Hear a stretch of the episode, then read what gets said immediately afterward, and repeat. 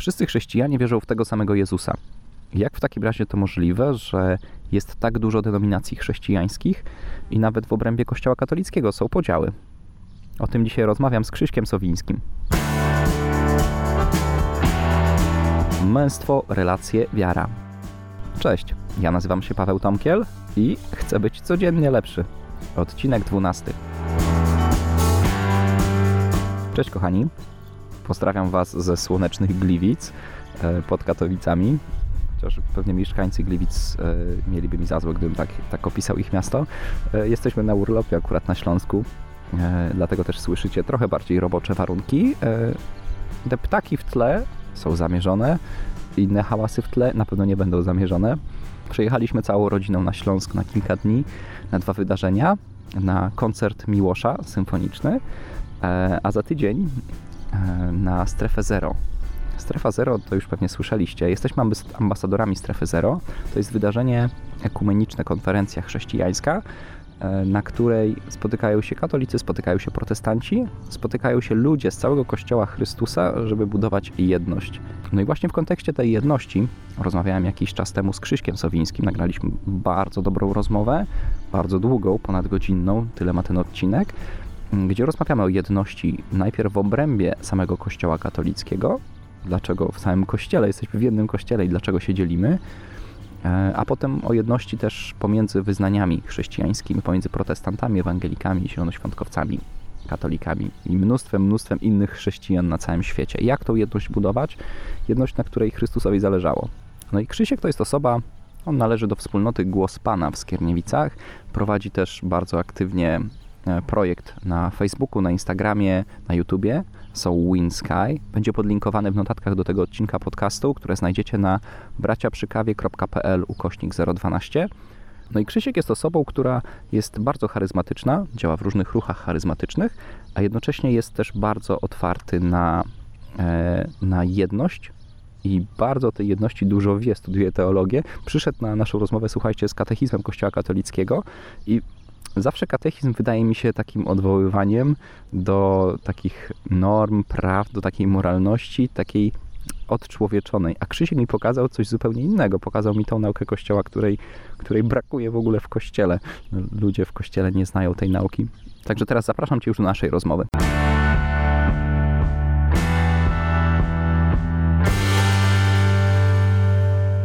Dobra, słuchajcie, jest dzisiaj ze mną e, Krzysiek Sowiński. Cześć Krzysiek. Siemka. Słuchaj, Krzysiek, powiedz e, słuchaczom, którzy Cię nie znają, co robisz, kim jesteś, czym się zajmujesz na co dzień? E, jestem katolikiem, jestem mężem, jestem ojcem, e, jestem też ewangelizatorem. Na co dzień właśnie zajmuję się ewangelizacją, prowadzeniem różnego rodzaju dzieł. Razem z żoną e, prowadzimy kanał na YouTubie i stronę na Facebooku i Instagramie pod tytułem So Win Sky co, co w wolnym tłumaczeniu brzmi więc wygraj niebo. E, więc jesteśmy nastawieni w swoim życiu na to, żeby mm, wygrywać niebo, żeby wybierać Jezusa e, w każdej sytuacji naszego życia. Jesteśmy też członkami e, wspólnoty Głos Pana w Skierniewicach. Tam wzrastamy, tam jesteśmy. No I wiele, wiele rzeczy generalnie robię, ale głównie to wszystko się skupia na, na głoszeniu Ewangelii, bo jeżdżę w tygodniu do kilku nawet miast E, żeby dawać świadectwo wiary. Bardzo dużo do młodzieży jeżdżę, mm, prowadzę różnego rodzaju spotkania też w szkołach, e, szczególnie w Wielkim Poście, takie trzydniowe. Mm, więc e, no, tego głoszenia. Głoszenie to jest główny, główny mój okay. charyzmat. Jakby. Okay, jak Krzyśka, słuchajcie, zaprosiłem, bo jest dla mnie osobą, która jest takim trochę wyznacznikiem, taką osobą, która jest na różnych E, eventach ekumenicznych, jesteś katolikiem, e, ale dosyć często można cię spotkać w okolicy różnego, różnych innych wyznań chrześcijańskich. I dzisiaj chcemy, słuchajcie, trochę porozmawiać o jedności Kościoła. Skupimy się mm, na jedności w Kościele katolickim, czyli w tym kościele, do którego ja też należę. Również też porozmawiamy o tym, jak możemy budować jedność jako e, katolicy z innymi naszymi braćmi chrześcijanami. Powiedz, czy według Ciebie E, w Kościele katolickim jesteśmy jedno. Czy jesteśmy jednością w Kościele katolickim? Mm, to jest generalnie bardziej głębokie pytanie niż możemy sobie wyobrażać. Yy, uważam, że jeśli chodzi o, tą duchową rzeczywistość, no to pewnie jesteśmy jednością. Natomiast jeśli chodzi o takie różne ludzkie rzeczy, przekonania, takie swoiste wierzenia, które mamy, to w tym, na tej płaszczyźnie dość mocno się rozmywamy i mijamy. Najczęściej mijamy się z nauczaniem Kościoła. Dlatego że no, wierzymy często w e, różne takie rzeczy, które w nauce Kościoła raczej nie mają odbicia, natomiast e, pochodzą właśnie z jakichś e, ludowych, tradycyjnych, takich tradycyjnych z małej litery wierzeń. Na przykład? Mm, na przykład jest taka sytuacja przy Bożym Ciele, kiedy przynajmniej u mnie w mieście, ja to za zaobserwowałem, są te ołtarze, przy których e, wszystko ładnie, pięknie, naprawdę to jest coś, co jest e, zdecydowanie pożądane i, i fajnie, fajnie jest to robić. E, fajnie, że jeśli jeszcze za tym poszłoby przemiana serca, życia i tak dalej. Natomiast okej, okay, przychodzi Pan Jezus w Najświętszym Sakramencie, jest procesja cała ekipa, ta główna, czyli księża i, i, tak dalej, wszyscy idą dalej do następnej stacji. Co robią lud, ludzie normalni, tak, że tak powiem, normalni katolicy, podbiegają do, do, tej, do tej stacji i wyciągają z niej e, te gałązki.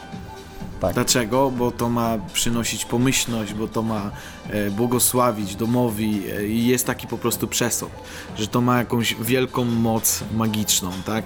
Więc no, takie magiczne myślenie, na takie magiczne myślenie nie ma w ogóle w kościele miejsca.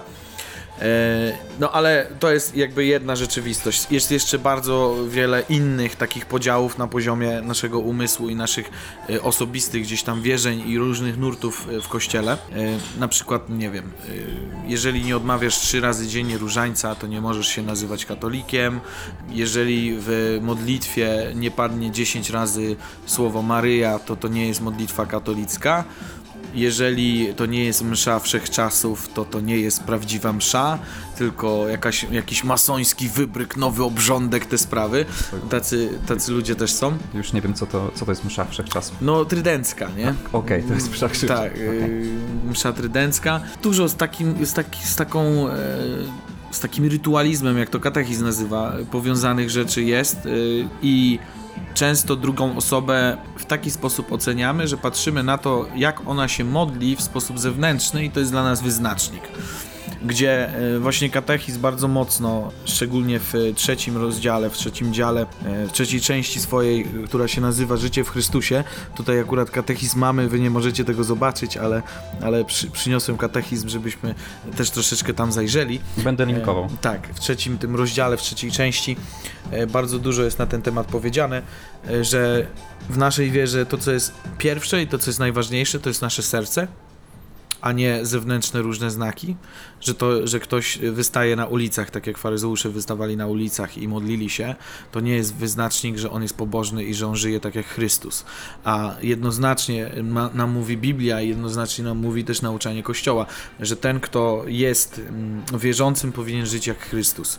Więc y, modlitwa to ma być spotkanie z Bogiem i on realizuje to spotkanie poprzez różne rzeczy. Tam też napisane jest, że tyle dróg modlitwy, ilu modlących się i Duch Święty wszystkimi nimi kieruje. To jest e, w katechizmie, więc e, myślę, że mm, w kościele szczególnie potrzebujemy takiego szacunku względem drugiej osoby i jej stylu modlitwy, no bo wiadomo, że mamy teraz wiele różnych ruchów w kościele. Jest, są koła różańcowe, super, chwała Panu.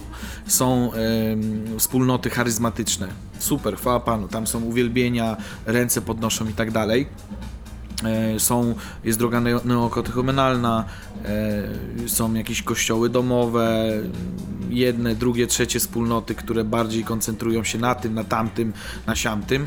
E, naprawdę jesteśmy taką różnorodnością I o tym właśnie też katechizm mówi, że to jest jedność w różnorodności, nie? Różnorodność tej jedności ma być.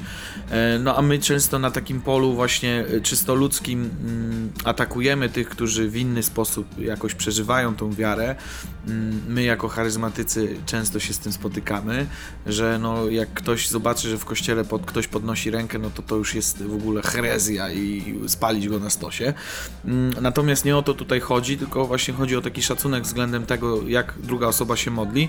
Oczywiście ja nie mówię tutaj o jakichś tańcach i hulańcach y, w, trakcie liturgii, bo sam jakoś nie jestem super zwolennikiem tego. E, oczywiście są momenty w liturgii, kiedy jest czas na to, żeby chwalić Boga, żeby nawet podnieść ręce i e, no, w tych wszystkich kulturach, może troszeczkę odmiennych od naszych, czyli kultura jakaś afrykańska, czy kultura e, amerykańska katolików, którzy no, są afroamerykanami, tak? Bo my jesteśmy tak przyzwyczajeni do tego, że wiara ma być powściągliwa i że trzeba być grzecznym w kościele i mieć tak jakby no, kij wsadzony w pewne miejsce i sztywniutko trzeba stać y, i ładnie być ubranym i to jest y, wyznacznik tego, czy ja wierzę, czy nie. No a katechizm y, i oczywiście Biblia nam pokazuje, że to, co jest ważniejsze od tych zewnętrznych rzeczy, to serce. To, co dla mnie jest ważne w Kościele i jego jedności, to to, że niezależnie od tego, kim jestem w takim sensie jakiejś przynależności do ruchu. Niezależnie od mojego wyboru, e, jeśli chodzi o modlitwę, to spotykam się zawsze przy jednym stole z moimi braćmi i z Panem Jezusem przy jednym stole eucharystycznym. I to jest to miejsce, gdzie my stajemy się jednością i gdzie możemy pomimo tych wszystkich naszych niesnasek i tego, że mi się to nie podoba, jak on się modli i jak wygląda, jaką ma twarz i w ogóle brzydki jest, to i tak się spotykamy e, przy stole eucharystycznym i myślę, że na tym powinniśmy się e, koncentrować, mm, a nie na tym, że e, ktoś przeżywa wiarę w taki sposób, a ktoś w taki. I tylko szybka anegdotka, będąc w jednym miejscu, mówiąc świadectwo swoje, spotkania z z Bogiem i nawrócenia tego pierwotnego, no to opowiadałem, e, ja zawsze opowiadam tak bez skrupułów, e, mówię o tym, że e, byłem uzależniony od pornografii, od masturbacji, od alkoholu, od narkotyków, wszystko mówię po kolei. No i potem do mnie podchodzi jedna siostra, która tam akurat za dzieci była odpowiedzialna i mówi, wiesz co, jakbyś u mnie w zakonie to powiedział, wykopałyby cię. Bo powiedziałyby, że nie wolno takie rzeczy mówić w kościele moje zrozumienie mm, e, wiary i tego, co się godzi, co nie, może być zupełnie inne od e, zrozumienia drugiego człowieka i przede wszystkim też zrozumienia Kościoła.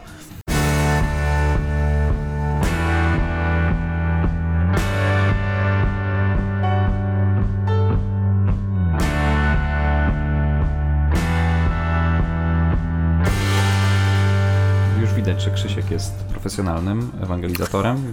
Rzucić mu temat i potrafi mówić, ma tak to ładnie poukładane. Bo słuchaj, Mogę gadać i gadać, no tak jest. Cofnąłbym się trochę, mhm.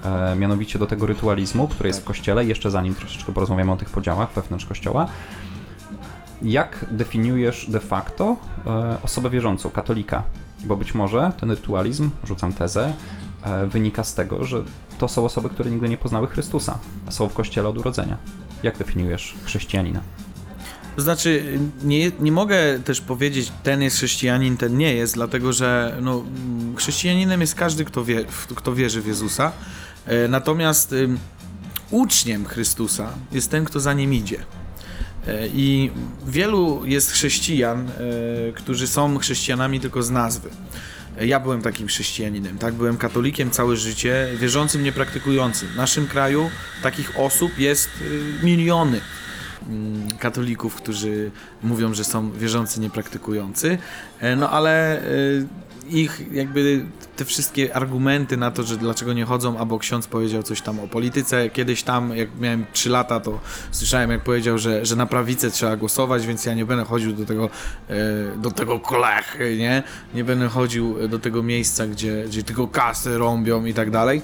Więc mnóstwo jest takich wymówek na swój brak jakby wiary i, i silnej woli i współpracy tak naprawdę z łaską, no bo wiara to jest e, łaska i to jest dar e, i my mamy się na to otwierać, ale niestety wielu z nas, wielu z nas katolików w tym kraju nie otwiera się na, na działanie Ducha Świętego, na działanie łaski Bożej i w efekcie właśnie pozostajemy w takim miejscu martwej religii i tego rytualizmu, który jest pusty.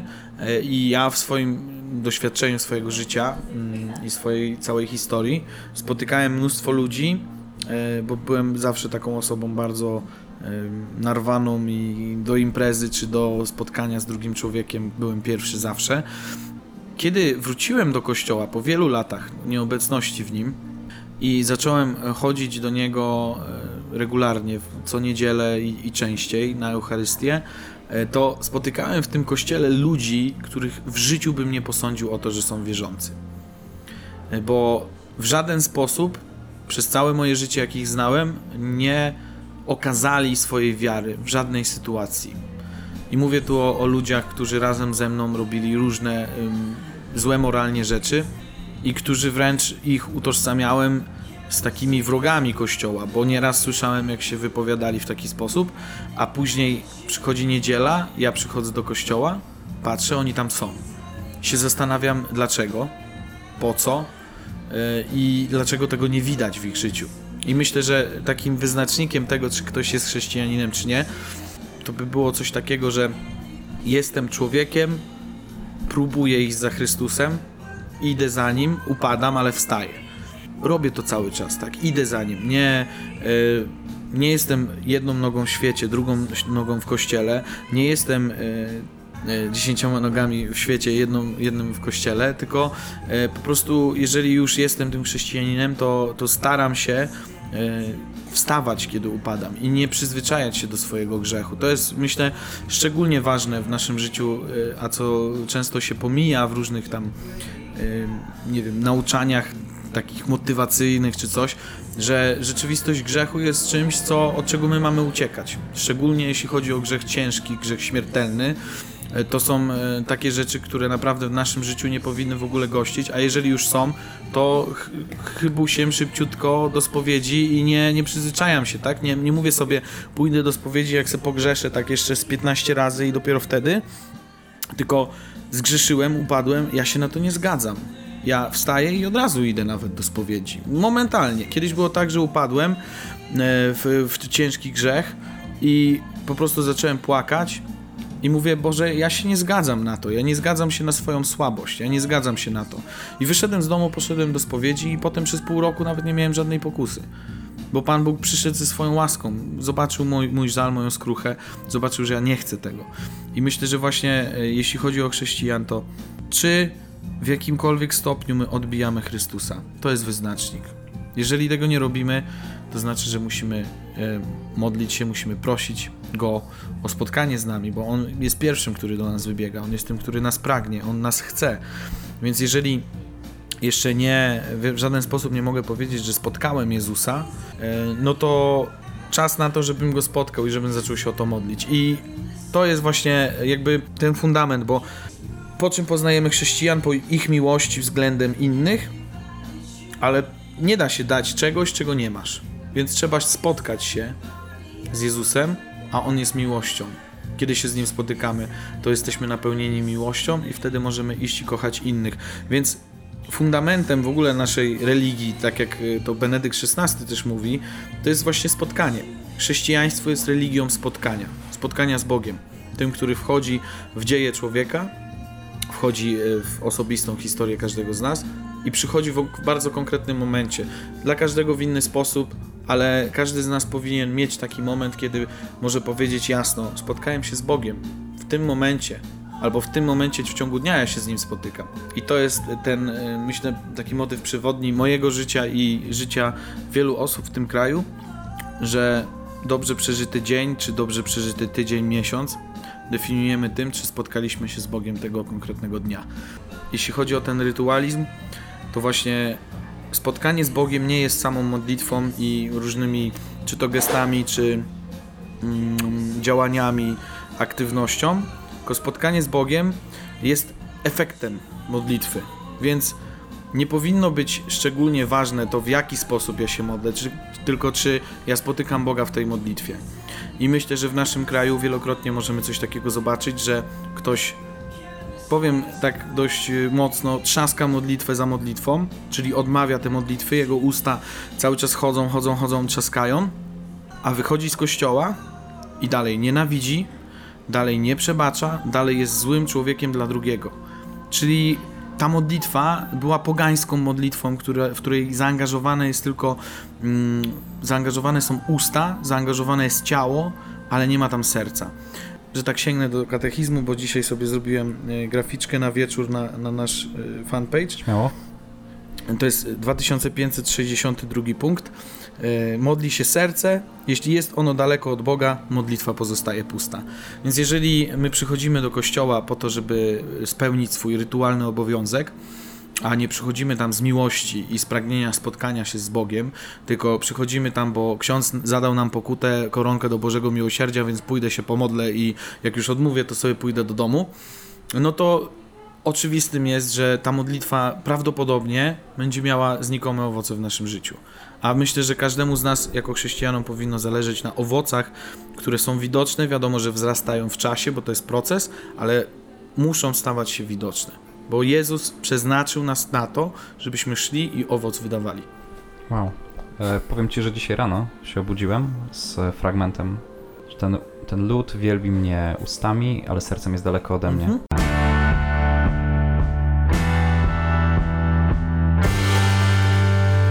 No dobra, słuchaj, no to trochę porozmawialiśmy o chrześcijanach w kościele katolickim. I załóżmy, że, że jesteśmy chrześcijanami, nie wszyscy są uczniami Chrystusa. Mamy ruch charyzmatyczny tak na jednej stronie. Na totalnie drugiej stronie są osoby, które bardzo cenią mszę świętotrydencką. I to jest taki wachlarz, to znaczy to są dwa, dwa bieguny, ale jest jeszcze cały wachlarz różnych aktywności, możliwości uwielbienia e, pomiędzy. Wydaje mi się, że to jest ten taki podział najbardziej widoczny w kościele. Bo ale- obie strony są dość głośne i dlatego jest on widoczny, bo są dość aktywne, zarówno jedna, jak i druga, nie? W internecie i to widać. Dlaczego jesteśmy tak podzieleni?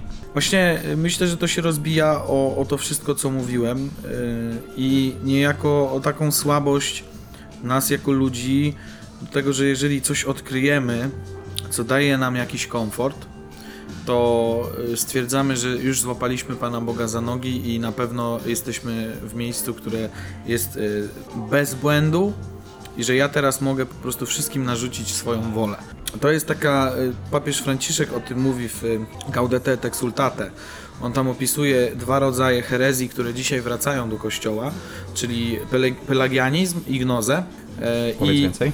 Pelagianizm to jest uzależnienie zbawienia od własnych wysiłków, czyli że jeżeli ja się nie modlę w taki i w taki sposób, nie odmówię 153, 510, y, 618 y, takiej i takiej modlitwy, jakakolwiek to modlitwa jest, to ja się nie zbawię. To y, cały ciężar przerzuca na człowieka, zamiast y, ten ciężar ma spoczywać na Jezusie, nie? A ten ciężar ma spoczywać na Jezusie.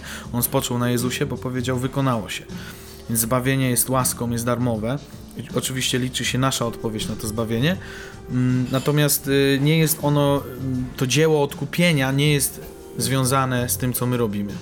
Oprócz oczywiście wiary i tej odpowiedzi naszej. To nie jest związane z tym, że ja y, tutaj będę chodził tak jak y, różnego rodzaju mantryści, nie wiem jak to określić, ci, którzy mantry odprawiają, no to oni tam mają taki przepis, że chyba 1800 ileś razy to dziennie. Tutaj mogę się pomylić, bo już nie pamiętam tej liczby, ale tam jest, że to mantry muszą tyle razy odmówić, inaczej jakby ten dzień będzie bez, bez sensu, nie pójdą dalej, nie wejdą level wyżej. E, Więc e, u nas może też tak być, że my sobie to uzależniamy e, właśnie od naszych jakby aktywności, czyli tak, jeżeli ktoś nie jest charyzmatykiem takim, że uwielbia Jezusa, tam podnosi ręce, tańczy i tak dalej, to, to je, jeżeli ja widzę, że ktoś taki nie jest, to ja sobie mogę myśleć w sercu, o, ten jest nienawrócony, to nie jest uczeń Chrystusa. I to jest błąd, bo to jest właśnie związane ściśle z naszym, naszymi wysi- wysiłkami, ale też y, z tą gnozą, czyli takim podejściem, że ja mam tą tajemną wiedzę, tak, ja wiem y, jak, y, jak to robić, Mm, ja wiem w jaki sposób z Bogiem się spotkać, ale to jest coś tajemnego, co trzeba wypracować i dopiero wtedy można w pełni przeżywać tą wiarę z Bogiem, a nie ma tajemnic, znaczy jest tajemnica i nie ma tajemnic, w sensie takim, że Bóg jest tajemnicą że my mamy wejść w tą tajemnicę, którą on jest, ale jednocześnie y, Kościół daje nam wszystkie narzędzia, żebyśmy mogli wejść w tą tajemnicę. Daje nam Słowo Boże, daje nam wiarę, bo to od Kościoła dostajemy wiarę, od naszych rodziców, którzy też są Kościołem. O każdy z nas jest kościołem, jak żywe kamienie, jak święty Piotr pisze w swoim liście.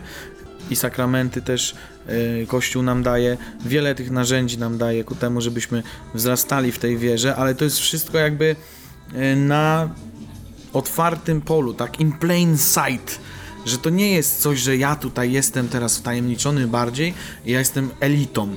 Nie jestem elitą. Każdy z nas jest równy przed Bogiem i mnie bardzo takie właśnie wkurza podejście, że ten jest gwiazdą, ten taki, owaki i robimy sobie takich bożków z ludzi, a zapominamy o tym, że Duch Święty żyje w nas poprzez chrzest, przez komunię świętą, poprzez bierzmowanie mamy pełnię Ducha Świętego, jesteśmy przeznaczeni do tego, żeby być królami, prorokami e, i kapłanami dla tych, którzy są wokół nas. Jesteśmy włączeni w królewską, kapłańską, proroczą funkcję Jezusa e, i wszystkie dary, jakie tylko potrzebujemy, żeby przeżyć nasze życie owocnie, to też Pismo Święte mówi, że nie brakuje nam żadnego daru łaski. Że Bóg już wszystko nam dał. My tylko to mamy odkryć teraz. Tylko się na to otworzyć, zobaczyć to, spostrzec to, że Bóg mnie do tego zaprasza i pójść za tym, co, co On do nas mówi. Więc yy, te dwie rzeczy, yy, pelagianizm i gnoza, są obecne, wydaje mi się, na, na obu stronach. Więc jeżeli ja jako charyzmatyk patrzę na tradycjonalistę, który kultywuje mszę trydencką, e, w sposób taki bez szacunku i myślę sobie, że on jest heretyk i kłamca i w ogóle, e, to, to znaczy, że ja, ja nie poznałem tak naprawdę albo odrzuciłem Jezusa. Dlatego, że to też katechizm nam mówi, szacunek e, należy się każdemu. Nieważne kim człowiek jest. Dlatego, że godności jako dzieci Boże nigdy nie tracimy. To papież Franciszek ostatnio powiedział, że nie tracimy godności jako dzieci Boże, więc ja nie mogę y, patrzeć na drugiego jako na kogoś niższego ode mnie, albo jako na kogoś, kto niewystarczająco pracuje na zbawienie. Więc ten podział na tej linii charyzmatycy y, tradycjonaliści, y, on niestety jest, bardzo mnie to smuci. Uważam, że nie powinno go być. Nie będę mówił, y, nie będę wyrokował, kto jest bardziej y, tutaj winowajcą czy coś takiego, bo wina leży po stronie grzechu najczęściej, czyli po stronie tego, że po prostu wybieramy zamiast Boga, zamiast Jego nauczania, zamiast nauczania Kościoła, wybieramy swoje moje. Y, i przez to, że nie znamy Pisma jako całości, rodzą się w nas właśnie takie różne dziwne wierzenia, tak jak ostatnio czytałem na Facebooku, jakaś kobieta wrzuciła orędzie Boga Ojca o modernistach tak było zatytułowane to i tam było nie wolno wchodzić do prezbiterium kobietom. Nie wolno przyjmować Pana Jezusa na rękę i nie wolno przyjmować Pana Jezusa w Najświętszym Sakramencie z rąk świętokradczych szafarzy. Wiesz, no takie po prostu, tam było więcej tego jeszcze, że tylko na kolanach, tylko do ust. I to jest właśnie ten, ten pelagianizm w połączeniu z tą gnozą, bo to są te dwie rzeczywistości jakby się przenikają e, dla mnie, e, że po prostu myślimy sobie tylko taki sposób, jaki ja mam jest właściwy. I wszyscy, którzy robią inaczej są debilami i oni nie umieją, nie potrafią i są heretykami, spłoną w piekle, tak? I ta kobieta, jak ja tam jej skomentowałem, że nie trzyma się nauczania Kościoła, bo trzeba pamiętać, że przez pierwsze sześć wieków e, Pana Jezusa chrześcijanie przyjmowali tylko do rąk, nie znali innego sposobu. Święty Jan Chryzostom o tym na przykład pisze, e, a później po prostu ze względów duszpasterskich, ze względów praktycznych. I to jest coś, co jest e, z mojego widzimisię, tak? W sensie takim, że jak ktoś takie rzeczy gada, że nie wolno tego, tamtego w kościele, a Kościół mówi, że wolno, to znaczy, że ten ktoś wyłamuje się z posłuszeństwa nauczaniu Kościoła i po prostu e, głosi swoje, głosi swoją Ewangelię, głosi swoje przepisy, bo tutaj ciężko mówić o Ewangelii, bo to są tylko i wyłącznie takie właśnie zewnętrzne jakieś e, przepisy, normy dotyczące kultu, mm, a nie, nie stricte Ewangelia.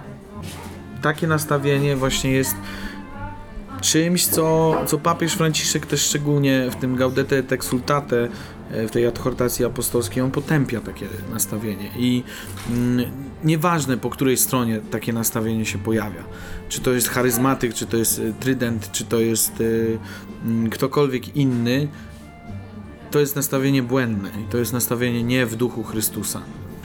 Jak mamy tak przekonanie, że ja już na pewno wszystko wiem, to, to prowadzi nas do duchowego lenistwa, e, no, które w tradycji Kościoła no, jest nazywane grzechem. Że po prostu już jestem leniem i mi się nie chce szukać Boga, to jest grzech.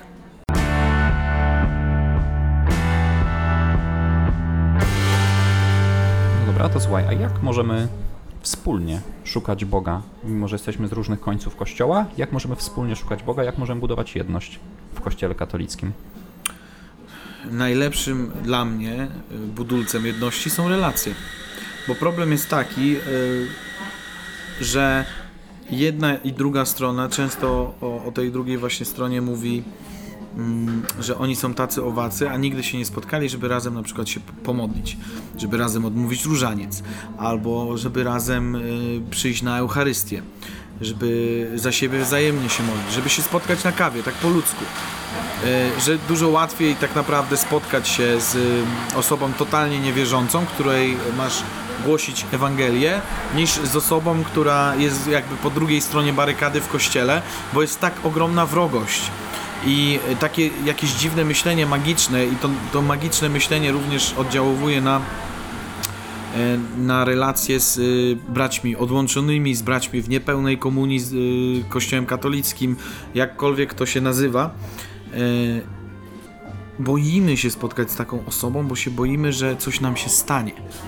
A kiedy mamy tą świadomość, że przez sakramenty, przez to, że trwamy w nich, przez to, że trwamy w modlitwie, że przyzywamy Ducha Świętego w naszym życiu codziennym, e, nawet jeżeli byśmy się spotkali z przedstawicielem innej religii, e, przy, przywitali się, tak, podali sobie ręce, porozmawiali, to nic nam nie ma prawa się stać. Bo jakim prawem? Przecież kto jest zwycięzcą? Jezus? No Jezus, a nie szatan. A niektórzy tak podchodzą do tematu, że, że szatan po prostu ma tyle pułapek, że on cię zawsze zwabi i cię po prostu yy, na minę wsadzi i do widzenia. I szatan jest mocniejszy. Dla wielu ludzi i też to jest powodem jakiejś tam dziwnej formacji, która bazuje na zasłyszanych tekstach na egzorcyzmach, y, które też y, Kościół jednoznacznie mówi, że nie wolno czegoś takiego upubliczniać, bo diabeł nigdy nie może być źródłem wiedzy teologicznej. Mm, a no, niektórzy duszpasterze, y, głosiciele, jakkolwiek ich nazwać, biorą takie treści i przekuwają je w swoją, swoje katechezy, co skutkuje tym, że jest fascynacja diabłem, fascynacja tym, że, że diabeł jest, a to wszystko odciąga od Pana Boga. To wszystko odciąga uwagę od tego, który jest najważniejszy. Nie bać się drugiego człowieka, spotykać się i rozmawiać, a nie po prostu oczerniać w internetach i y, mieć, po, posiadać o sobie mniemanie, że ja jestem tutaj zbawcą świata i ja naprostuję tych wszystkich heretyków. E, ci chrześcijanie, którzy jakby nie spotkali Jezusa i są chrześcijanami tylko z, z tej nazwy, tak, że po prostu gdzieś tam y, ani nie praktykują, ani nie żyją w sposób, jaki Ewangelia wymaga. Ostatnio tak na modlitwie mi przyszły takie słowa właśnie, że krzyż wymaga, a łaska uzdalnia. Nie? I to jest coś, o czym my myślę, myślę musimy pamiętać, że e, Krzyż Chrystusa, który mamy się chlubić, to jest też droga, która jest pełna wymagań i wyrzeczeń i trudu, ale jednocześnie nie idziemy nią sami, tylko idziemy z Bogiem. E, więc e, wszyscy ludzie, którzy patrzą na to, obserwują i robią to z szczyptą dobrej woli w swoim sercu, bo oczywiście mam takich znajomych, którzy w, w zeszłym życiu tak mnie znali, kiedy ja byłem narkomanem, alkoholikiem, imprezowiczem i oni przypisują mi yy, i mojemu stylowi życia, który dzisiaj prowadzę, złe intencje. Myślą, że oni wiedzą wszystko o mnie i moim sercu, wydają y, sąd na ten temat i twierdzą, że nie wiem, robię to dla kasy, robię to dla poklasku, robię to dla tego, siątego, tamtego, y, ale są tacy, którzy patrzą, widzą, że jestem szczęśliwy Dlatego, że y, to, i to jest pierwszy punkt w katechizmie, praca domowa dla słuchaczy. Przeczytajcie pierwszy w, punkt w katechizmie. Będzie podlinkowany. E, tak, i tam jest napisane, że Bóg nieskończenie szczęśliwy wybrał sobie człowieka, stworzył go, jest nieustannie bliski człowiekowi i chce go obdarzyć swoim szczęściem.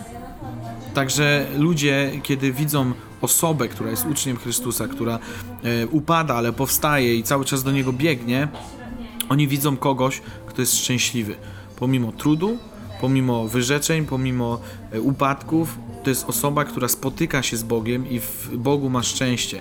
I potem y, rozmawiam z takimi osobami. Oczywiście tutaj też wchodzi różnego rodzaju modlitwa charyzmatyczna, uzdrowienie, o pokój serca i tak dalej. Różne rzeczy się działy na takich spotkaniach, jak teraz jesteśmy. Byłem już wielokrotnie i y, rozmawiałem, opowiadałem o historiach uzdrowień, jakie widzę, bo widzę je codziennie praktycznie.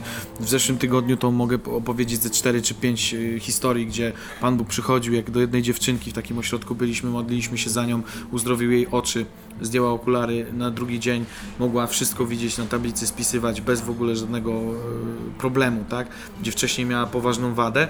E, No i była w szoku, to dziewczynka, nie wiem, z 9-10 lat miała, E, więc takich historii jest dużo. Ja spotykam się z ludźmi, opowiadam o tym, czego doświadczam z Bogiem i pociąga ich to. Pociąga ich to, że wiara może być praktyczna. Że wiara może być czymś, co całkowicie przemienia perspektywę, e, całkowicie przemienia życie i sprawia, że e, po prostu chcemy w tym być. I ci ludzie to widzą, mówią: Ja chcę w tym być. I spotykają się, i potem na koniec spotkania często słyszę: Ty dawaj, człowieku, spotkajmy się niedługo jeszcze, bo ty niesiesz sobie taką dobrą energię. Wiesz o co chodzi?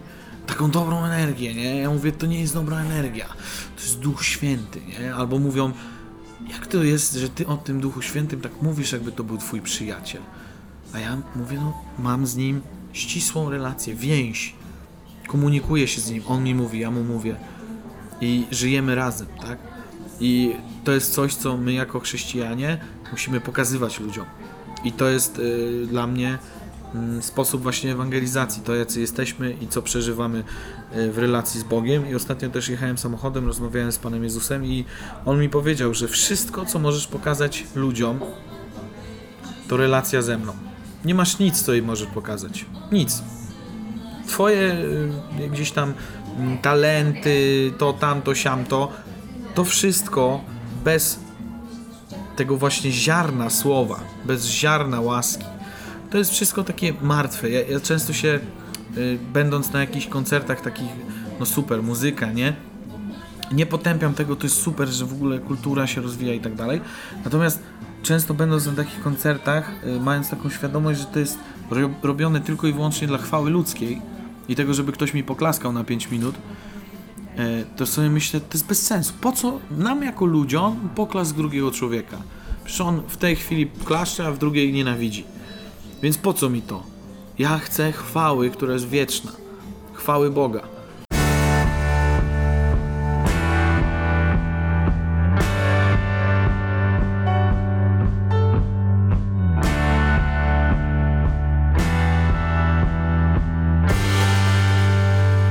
Rozmawiałem już wcześniej w jednym z odcinków z moim bratem, właśnie w tym odcinku o LTC.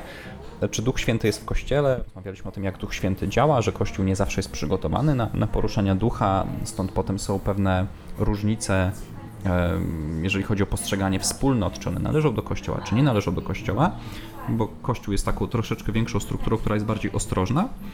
Ale to teraz, jeżeli rozmawiamy o Duchu Świętym, czy Duch Święty jest w stanie zbudować jedność między nami, Kościołem katolickim, a Kościołem protestanckim, innymi wyznaniami, innymi ludźmi, którzy wyznają Chrystusa. Krzysiek sięgnął do katechizmu. Bo w tej sferze w ogóle nie jest e, ważne to, co ja myślę. Dla mnie najważniejsze jest to, co myśli o tym e, Kościół. E, Więc możemy tutaj sobie poszperać i zobaczyć, mm, jak to właśnie święty Jan Paweł II w tej encyklice Ut Unum Sint pisze. My z innymi chrześcijanami, którzy wierzą w Boga Trójjedynego, jesteśmy w niepełnej komunii. Co to znaczy? Co to znaczy komunia? Jedność. Niepełna? Niepełna jedność. Niepełna jedność, czyli jakaś jedność jest. Okej. Czyli już jest jakaś jedność. Ona nie jest pełna, bo nie możemy się spotkać w tym, co dla nas y, jako Kościoła katolickiego jest najważniejsze, bo to jest Eucharystia. Y, Więc nie możemy się spotkać y, w, przy tym stole, ale możemy właśnie się spotkać przy wszelkich innych formach, tak? Modlitwy czy, czy spotkania braterskiego. I to, co katechizm mówi, to, to że pragnienie ponownego odnalezienia jedności wszystkich chrześcijan jest darem Chrystusa i wezwaniem Ducha Świętego. Więc to nie jest nasz pomysł. To nie jest pomysł, że o, przyszedł sobie jeden, drugi ksiądz, biskup, y, kardynał czy tam papież i sobie pomyślał, fajnie by było, jakbyśmy tak y, spotykali się z tymi ewangelikami, z baptystami, jakimiś tam metodystami i żebyśmy się z nimi razem modlili. To nie jest y, w ogóle mm, pomysł ludzki, tylko to jest właśnie dar Chrystusa i wezwanie Ducha Świętego. E, I w punkcie 821 są takie e, wyma- wymagania. E, W sensie aby jak najlepiej odpowiedzieć na te wymagania, na wymaganie właśnie e, budowania jedności, bo to jest wymóg. E, Tutaj też jest napisane, że Chrystus od początku życzył jedności swemu Kościołowi i wierzymy, że ta jedność trwa nieutracalnie w Kościele katolickim i ufamy, że z dniem każdym wzrasta aż do skończenia wieków, więc to jest wymóg. Do, do skończenia wieków to będzie wzrastało i coraz bardziej się zacieśniało między nami chrześcijanami i żeby najlepiej odpowiedzieć na te wymagania, konieczne jest spełnienie następujących warunków E, i ja pozwolę sobie przeczytać to, bo to jest naprawdę mocarna lektura. Jasne? E, Pierwszy to jest stała odnowa Kościoła w coraz większej wierności Jego powołaniu. Taka odnowa jest mocą ruchu zmierzającego do jedności. To jest w ogóle niesamowity fragment, bo on ukierunkowuje nas na to, żebyśmy my byli wierni temu, co Bóg w nasze serce wkłada. A co On wkłada w nasze serce? Żebyśmy byli święci. A czym jest świętość? Świętość jest doskonałą miło- doskonałością miłości. To wszystko jest w katechizmie. Więc my mamy być wierni temu powołaniu, mamy wzrastać w doskonałości w tej miłości. Kolejne jest nawrócenie serca, by wieść życie w duchu Ewangelii. Znowu my. Nie oni mają się nawrócić. My. My mamy się nawrócić, ponieważ to niewierność członków wobec daru Chrystusa powoduje podziały. Choć oczywiście y, tutaj nawrócenie serca, no to obydwie strony potrzebują, ale myślę, że najpierw my mamy zmieniać y, swoje serce razem z Duchem Świętym.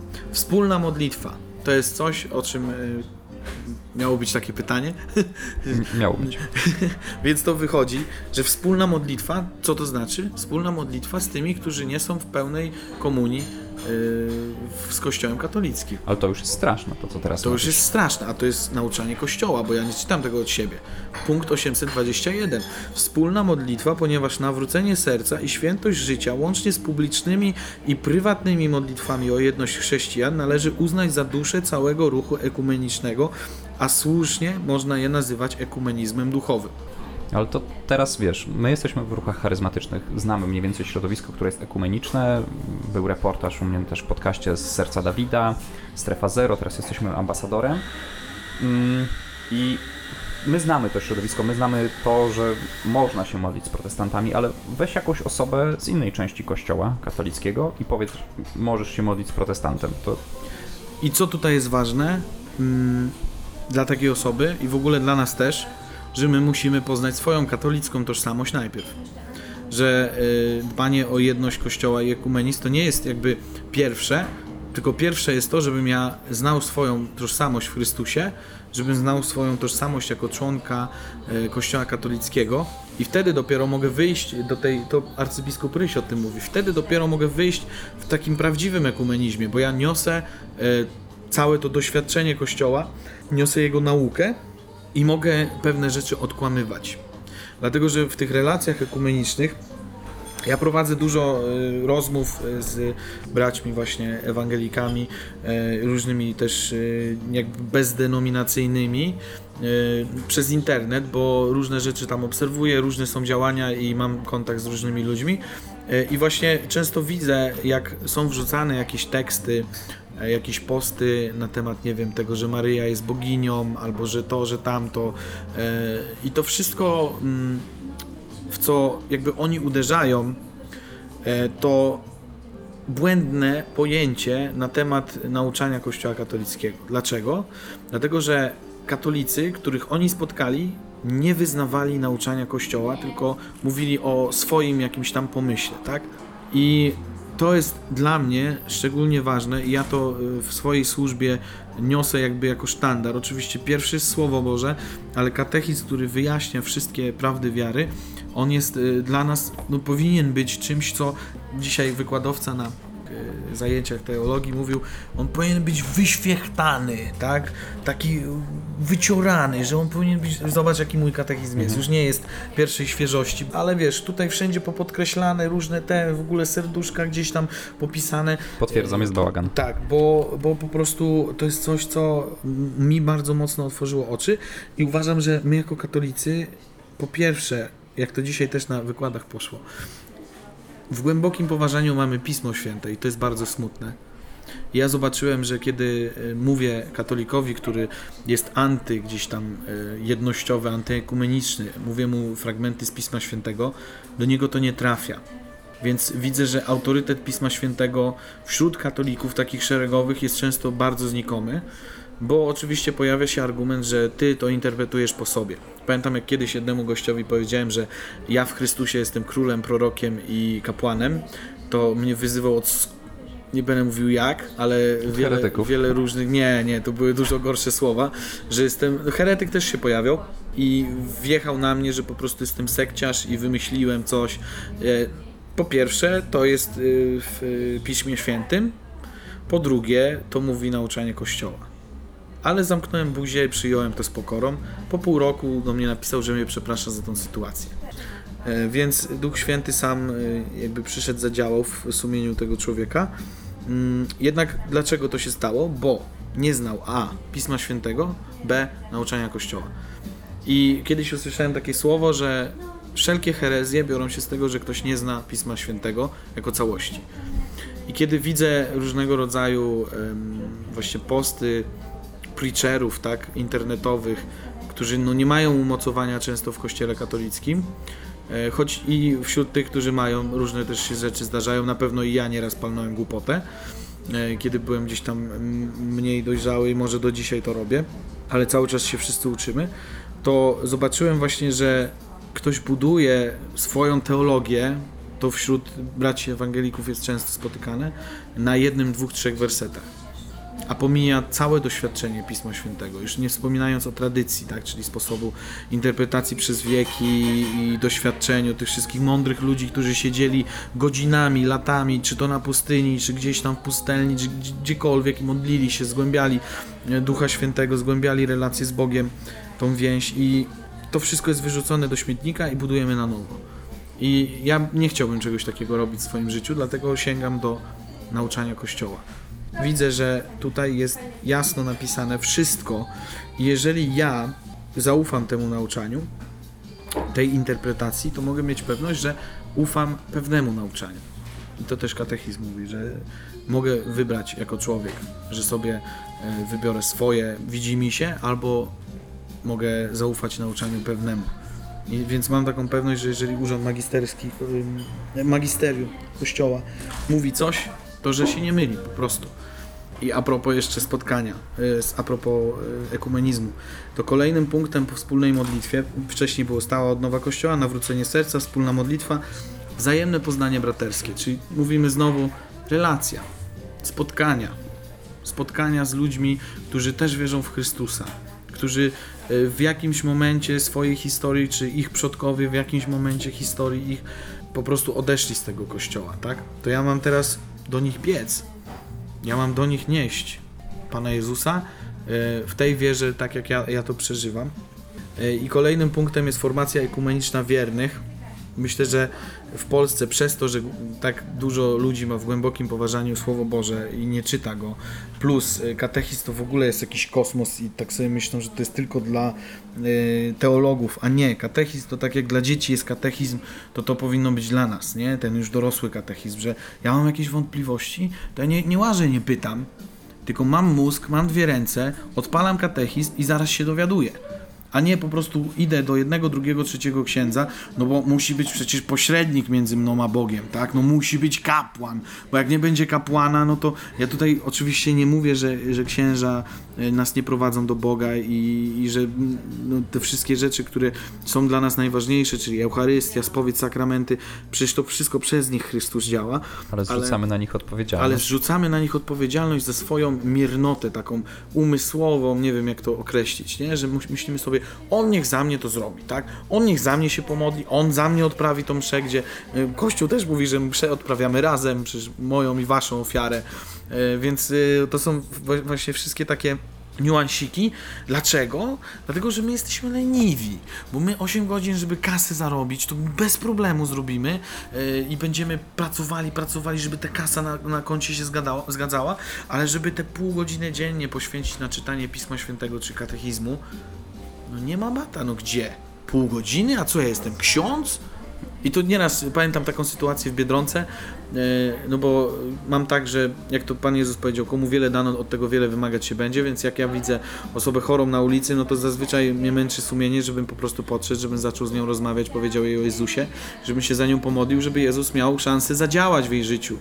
Przez to uzdrowienie, przez ten znak, który chce uczynić dla tej osoby. I wielokrotnie na ulicach, w centrach handlowych, e, w klubach nocnych, e, w sensie nocnych mówiąc no, w dyskotece, bo byliśmy ze dwa razy razem z Marcinem e, na ewangelizacji w klubie. No ale w tych wszystkich miejscach Bóg działał, kiedy my przychodziliśmy, żeby głosić. E, I pamiętam w tej biedronce facet, e, jak zaproponowałem mu modlitwę o to, żeby, żeby był zdrowy, żeby jego noga była zdrowa, to pa, popatrzył na mnie tak jak rażony piorunem, mówi, a co pan księdzem jest? Więc y, jest takie, taka warownia w umyśle w ogóle Polaków, że tylko ksiądz może wyznawać wiarę, tylko ksiądz może głosić, tylko ksiądz może chodzić, y, modlić się o uzdrowienie, kłaść ręce, tylko ksiądz może to, może tamto. I to jest właśnie zrzucanie wiary mm, i wchodzenie z powrotem w Stare Przymierze. Ale hola hola, jest nowe przymierze. I każdy z nas sam zda sprawę przed Bogiem ze swoich uczynków, tego co zrobił ze swoimi talentami. Nie powiemy, no ale ksiądz, on miał to robić. Nie, jak ja jestem w korporacji, to ja mam tam głosić. Ja mam prawo i obowiązek. Katechizm 1816 punkt. Świadectwo i służba są konieczne do zbawienia. Nie ma świadectwa, nie daje świadectwa o wierze, nie daje, nie, nie, nie daje służby, mam lipę. Nie służę ludziom, mam lipę. To mówi Kościół, nie? Ja jak to przeczytałem ostatnio, już parę razy katechizm czytałem, ale uczyłem się do egzaminów i mówię, ja nie mogę. To jest mocne. Musimy wziąć się do roboty, a nie siedzieć.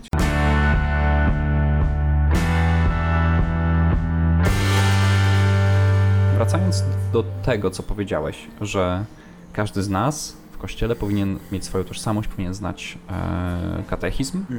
Czy to nie jest tak, że ty masz po prostu trochę łatwiej, bo ty się tym zajmujesz na co dzień i dużo łatwiej wiesz też poświęcić ci tak dużo czasu, studujesz teologię, jesteś ewangelizatorem, jeździsz po, po kraju i, i głosisz tą Ewangelię, więc musisz to znać. A jak ktoś, wiesz, ma, pracuje 8 godzin albo 12 godzin, ma dwójkę czy trójkę dzieci, wraca do domu, mnóstwo obowiązków, to jak taka osoba może... Znaczy, wiesz, tak wręcz łatwiej. wiadomo, że nie, y, nie jest łatwo, nic nie przy, co ważne i warte ceny nie przychodzi łatwo w życiu.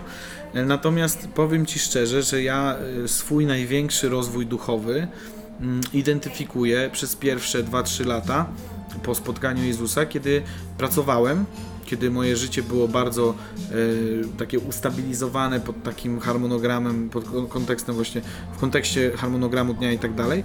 Siedziałem w biurze przez 8,5 godziny dziennie i miałem ten czas na to, żeby pracować, a przez to, że moja praca była taka, że mogłem sobie czegoś słuchać w trakcie, to ja dziennie potrafiłem połknąć 8 godzin konferencji, czy Słowa Bożego, audiobooki i tak dalej.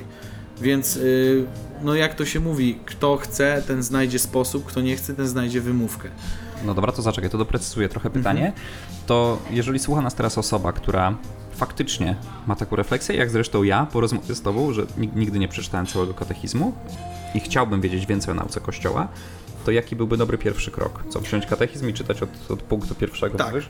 Zdecydowanie, ja tak zrobiłem.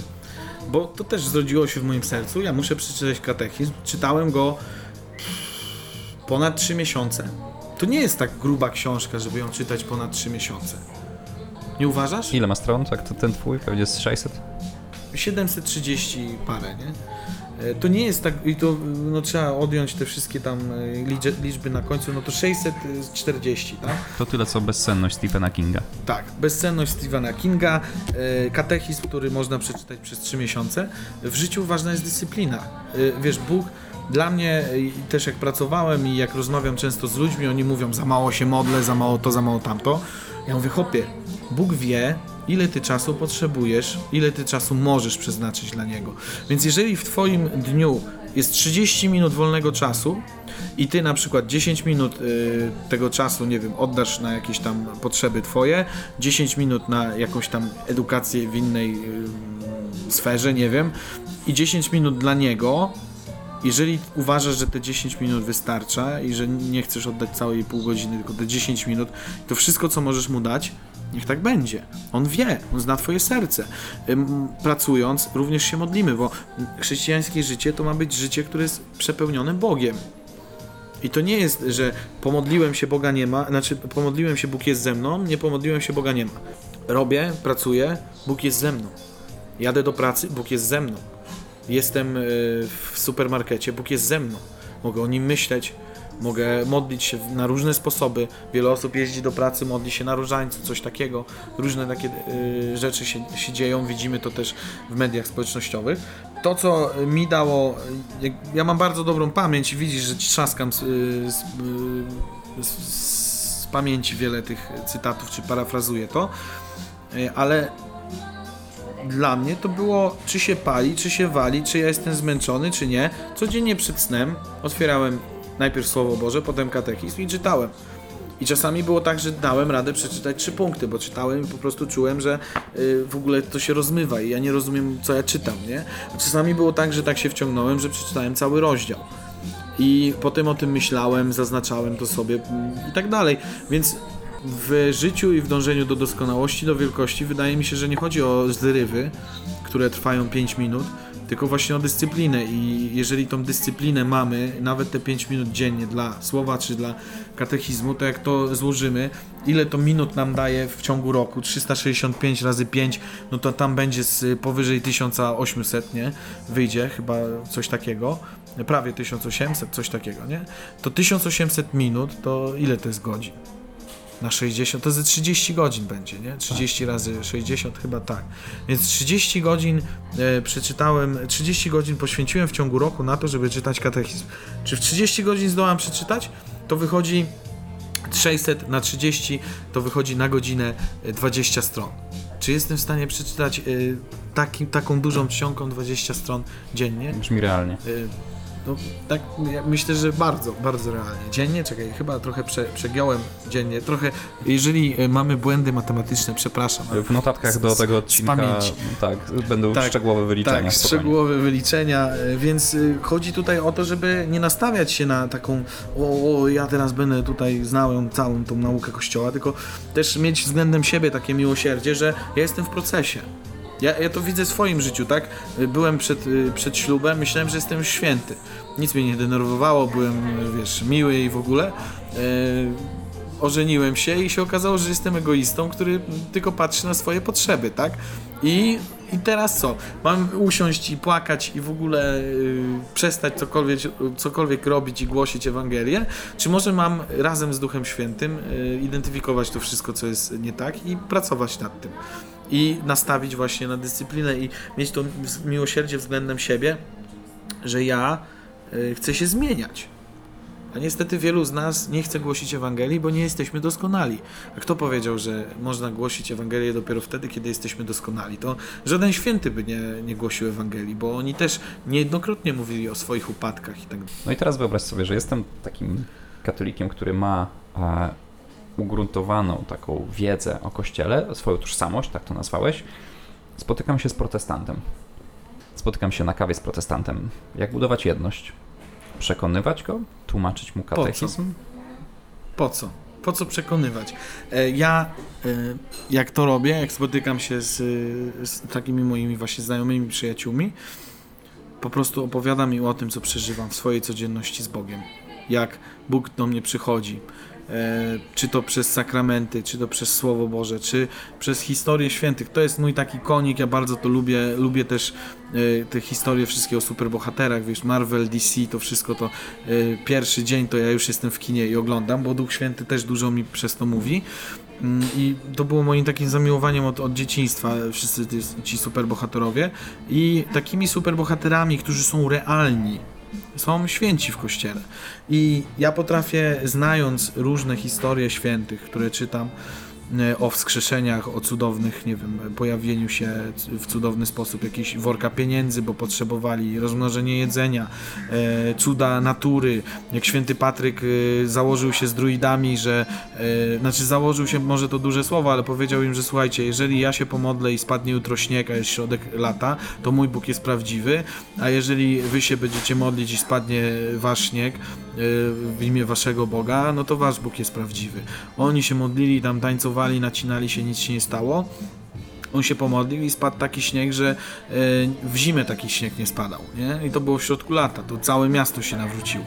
Więc e, jak ja takie historie e, opowiadam, że tak powiem, przeciętnemu bratu ewangelikowi w Polsce, który najczęściej e, no, jest osobą, która była w kościele katolickim, ale z niego wyszła, bo większość myślę e, protestantów jest u nas e, w, w takiej konfiguracji, no to on otwiera buzię i mówi, a dlaczego ja o tym nie wiem? Bo znaki i cuda dla wielu tych kościołów, czy to wolnych, czy, czy zielonoświątkowego, one są bardzo ważne w przeżywaniu wiary. No a gdzie znaki i cuda, w jakim kościele są od początku do dzisiaj? I zawsze były i nigdy nie osłabły, nie osłabła wiara w nie e, i zawsze one się działy. Nigdy nie było tej herezji, która jest nazwana cesacjonizmem, że e, cesacjonizm to wiara w to, że e, dary charyzmatyczne, cuda uzdrowienia zaniknęły wraz ze śmiercią apostołów. Są takie kościoły historyczne protestanckie, które tak twierdzą. E, I nie tylko w sumie, bo świadkowie Jehowy tak samo wierzą. Aha. E, Więc y, ja spotykam się, ja się tym jaram, oporowo. Jaram się tymi historiami, bo to mi pokazuje, że Jezus naprawdę miał na myśli to, co mówił, że te historyjki, o, będziecie mieli y, taką wiarę jak ziarnko gorczycy, to powiecie tej górze, żeby się rzuciła w morze, a ona się rzuci. My to tak siadamy nad tym, tak jak takie dziadki, mówią, no wiecie dzieci, to taka historia, E, jaką dzisiaj masz górę? Masz górę grzechu, masz górę e, swoich problemów, to powiedz tej górze, żeby powiedziała goodbye, do widzenia. I tak, to się zadzieje, ale wiecie, e, dla mnie to jest szczególnie taka historia o Szymonie Garbarzu. Nie będę jej opowiadał całej, zna, da radę e, znaleźć ją gdzieś tam w internecie na anglojęzycznych stronach, no ale koleś po prostu pomodlił się i góra się podniosła, no. I to tak się podniosła, że e, prześwitywało słońce poniżej e, tej przestrzeni, tak, która została pusta. Potem ta góra opadła z powrotem, ale to był cud, który uratował e, wszystkich chrześcijan, którym sułtan tam, tamtejszy, czy tam szejk, nie wiem jak to się nazywa, e, zagroził, że ich pomorduje, jeżeli nie udowodnią, że ich Bóg jest prawdziwy, nie? I Pan Bóg się przyznał do tego słowa i pokazał, że nie tylko słowo jest metaforyczne, do którego wiele jakichś tam intelektualnych rozważań e, próbuje sprowadzić słowo, ale pokazuje, że słowo jest praktyczne i że Jezus mówiąc pewne rzeczy, jak na przykład będziecie dokonywali tych samych dzieł, które ja dokonuję, a nawet większych, to on miał na myśli to, że będziemy to robili. I nie trzeba być do tego specjalnym jakimś tam dzikonem, yy, czy specjalne mieć yy, urzędy w hierarchii, tylko Bóg yy, działa tak jak chce i daje charyzmaty tym, którym chce. Teraz pytanie, czy my identyfikujemy taki charyzmat i czy chcemy to robić i czy zaczy- zaczynamy go wykorzystywać, nie? Więc yy, takie historie o, o świętych, którzy dokonywali niewyobrażalnych rzeczy. W samej Polsce przecież były wskrzeszenia, e, dziesiątkami liczone. E, Byli ludzie, którzy chodzili po wodzie. Byli ludzie, którzy uzdrawiali chorych e, w tak mocnej posłudze i w tak mocnym e, obrazie w ogóle mm, jakby wielkości tej posługi i tego, że naprawdę wiele osób do nich ciągnęło. E, Już nie wspominając też o, o świętych miejscach, takich jak Jasna Góra, przecież co, Jasna Góra to nie jest tak sobie Jasną Górą, że super fajnie pojechać na Jasną Górę, tylko to jest miejsce, które słynie z tego, że tam Bóg działał cuda. Tam nawet trzy, trzy wskrzeszenia naraz się wydarzyły. I to w historii, która jest makabryczna. O tym możemy przeczytać w y, książce Wskrzeszeni wydawnictwa Ex Esprit, e, więc jeżeli byście byli ciekawi. E, I teraz pytanie, czy ja jako zachodnioeuropejski, bo mo- możemy już tak o sobie powiedzieć jako o, o Polsce, zachodnioeuropejski y, europejski chrześcijanin, który tylko wierzy w to, co widzi, a jego wiara już y, jest bardzo słaba, no to jak on słyszy coś takiego, że wskrzeszenia, że rozmnożenie jedzenia, że cuda natury, to on sobie myśli, no to koleś jest sekciarzem i porąbało go w ogóle, nie? A to nie, to jest wszystko w różnych dokumentach kościoła, e, w e, dokumentach też kanonizacyjnych, które nie były tak, że po, poszedł do Mietka, Mietek powiedział, że widział takie to i, i Mietek tak powiedział, to na pewno jest to prawdą, tylko na to musieli, musiało być dziesiątki świadków. Ci świadkowie przy notariuszu, oni potwierdzali całą historię zdarzeń jednym głosem. Tu nie ma y, jakiejś ma masowej histerii i tak dalej, y, psychozy, jak teraz się często chce sprowadzić jakiekolwiek cuda i uzdrowienia do tego. Tylko tu jest realne działanie Pana Boga, który tak kocha nas, że przychodzi i działa. Więc ja, będąc wśród moich braci, e, ewangelików i tak dalej, ja niosę to, czym się żywię na co dzień. Czyli wiarą mojego kościoła, historią mojego kościoła, tradycją mojego kościoła, która jest piękna. I dzisiaj nawet miałem rozmowę z jednym kolegą e, i ja mu mówię, słuchaj, nie wiesz w to, co ty widzisz u babci Stasi na, w Pcimiu Dolnym, że ona e, tylko mówi o Maryi i dla niej nie ma nikogo oprócz Maryi e, i Jezus nie istnieje i mówi, że ona jeżeli ma Maryję, to ona nie potrzebuje Jezusa, a Trójca Święta to jest Bóg, Ojciec, Syn Boży i Maryja. No niestety, ale takie rzeczy, ja kiedyś na ewangelizacji na ulicy rozmawiam z gościem z Podlasia czy ze wschodu Polski, on mówi, no dobra, ale coś ci nie pasuje, nie masz tak, że coś ci nie pasuje w tej Trójcy Świętej? Ja mówię, ale co, co, co takiego ty? Co ma mi nie pasować? On mówi, no stary, to nie jest dziwne, że jest Bóg, Ojciec, Syn Boży i Maryja? Bo są takie miejsca, gdzie Maryja w tej ludowej pobożności zastępuje wszystko, tak? Zastępuje Trójcę Świętą w rozumieniu ludzi. I ja mówię y, moim braciom, tak, słuchaj, nie patrz na to. To jest ludowo, ludowa pobożność, tak? Otwórz katechizm, proszę cię, otwórz katechizm. Ja ci pokażę punkty, w których masz czytać. I zobaczysz. A on mówi, no stary, ja otworzyłem, przeczytałem na temat czyśćca i tak mówię, tyle jechane było na ten czyściec, a ja się z tym zgadzam. I wiesz, no, proszę bardzo. Wystarczy otworzyć katechizm i poznać, co Kościół na ten temat mówi. I my wszyscy jednym głosem tak naprawdę powinniśmy krzyknąć: Kościele, poznaj samego siebie. I to wydaje mi się, że kardynał Suenens yy, przed czy w okolicach Soboru Watykańskiego II mówił: Kościele, poznaj samego siebie. To jest do nas. My mamy poznać Kościół.